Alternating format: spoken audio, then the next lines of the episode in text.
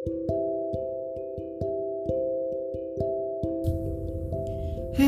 halo, selamat datang di podcast celoteh hari ini. Kali ini gue ingin membahas tentang semakin banyaknya orang yang berkomentar di status sosial media orang lain, tapi dengan menggunakan bahasa yang menurut gue kurang nyaman untuk dibaca. Seperti pertama, gue pernah melihat ada postingan di sosial media yang isinya video pendek dari seorang perempuan yang sedang menyampaikan pentingnya hidup sehat. Kemudian di kolom komentar gue menemukan komen um, yang bilang sok-sok ngajarin pentingnya hidup sehat, tapi kok badan lo masih gendut gitu.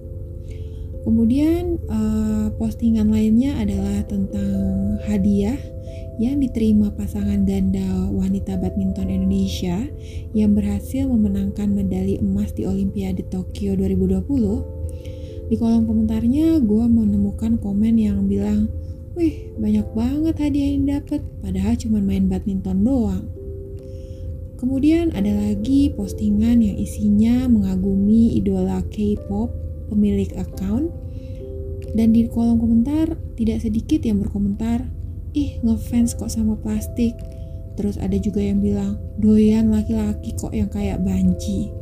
Dan masih banyak kejadian-kejadian lainnya terkait komentar-komentar yang kurang nyaman untuk dibaca. Gue sih gak ngerti ya kenapa semakin banyak orang yang mengeluarkan komentar-komentar yang menurut gue kurang pas, kurang patut.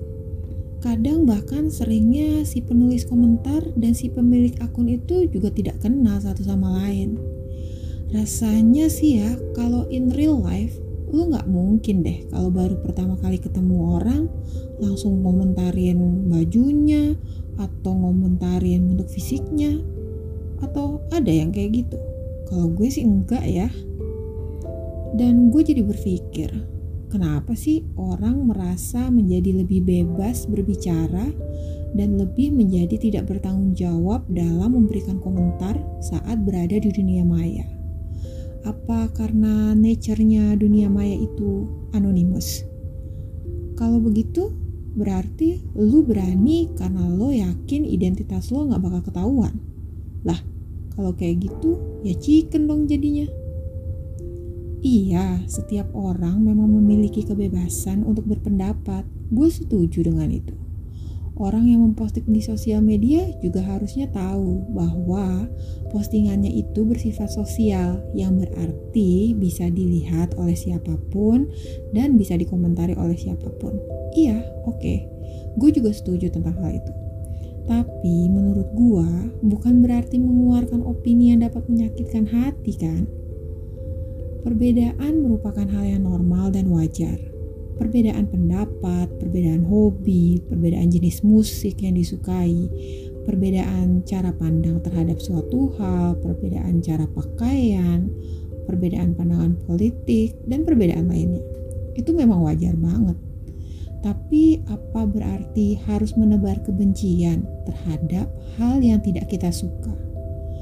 Hah, menurut gue pribadi menyatakan ketidaksukaan sih oke. Okay tapi kalau sampai menebarkan kebencian, bahkan mungkin kebencian yang tanpa dasar, itu gue kurang setuju sih. Bisa kan coba memandang sesuatu dari sisi yang berbeda dengan sisi kita? Mungkin aja dari saat dari cara pandang seperti itu tuh kita bisa mengerti kenapa kita berbeda pendapat dengan orang tersebut. Jangan asal selama beda ya udah gue benci. Kan gak gitu juga. Kalau menurut gue treat others the way you want to be treated. And speak kindly to others lah. Gue pikir dua kalimat tersebut adalah dasar manusia menjadi makhluk sosial. Manusia kan bukan makhluk yang bisa hidup sendiri. Jadi wajar lah untuk saling menghormati satu sama lain agar bisa hidup berdampingan. Mengkritik oke. okay, tapi bukan menyebar kebencian seperti komentar-komentar di sosial media yang gue sebutkan di awal tadi. Kalau itu sih menurut gue ke arah menebar kebencian ya, karena komentar yang diberikan tidak berdasar dan dapat menyakiti hati pemilik akun. Bahkan mungkin dampaknya bisa lebih buruk dari itu. Hargai perbedaan. Selama suatu hal nggak ngerugiin kita, kenapa kita harus caci sih? Kalau lu nggak suka sama konten atau apa yang dipost oleh seseorang, ya sudah, di skip saja. Kontrol konten apa yang lu mau lihat kan ada di tangan lo. Kenapa lu malah menghina postingan orang? Kayak pada kasus pertama. Kalau menurut lu si pembuat konten tidak layak untuk membuat konten mengenai cara hidup sehat, karena menurut lu si pembuat konten bentuk fisiknya tidak mencerminkan cara hidup sehat, ya biarkan saja memang ruginya apa sih di lo? Dan lagi kalau memang kontennya bermanfaat buat orang lain, ya kenapa enggak? Konten lebih penting menurut gua. Kalau konten yang disampaikan memang mengandung fakta kebenaran, ya kenapa penampilan si pemberi konten harus dipermasalahkan? Yang penting kan isi dan tujuan konten tersebut tuh baik. Kemudian terkait posting mengenai hadiah yang diterima oleh pemenang medali emas Olimpiade Tokyo.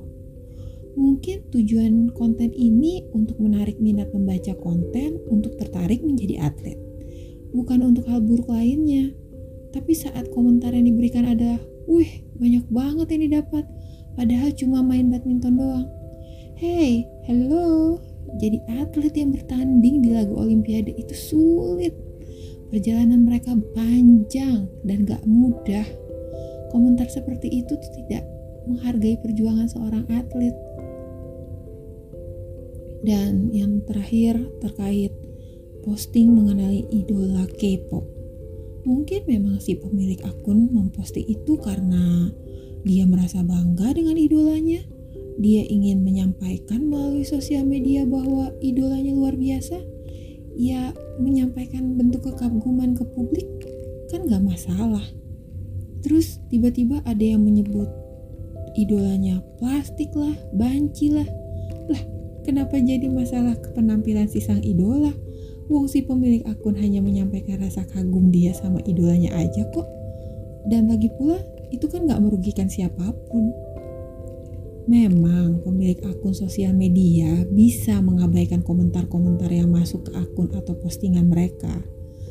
Tapi kalau komentar-komentar kurang penting seperti itu terus berlangsung, kalau menurut gue pribadi itu ganggu sih.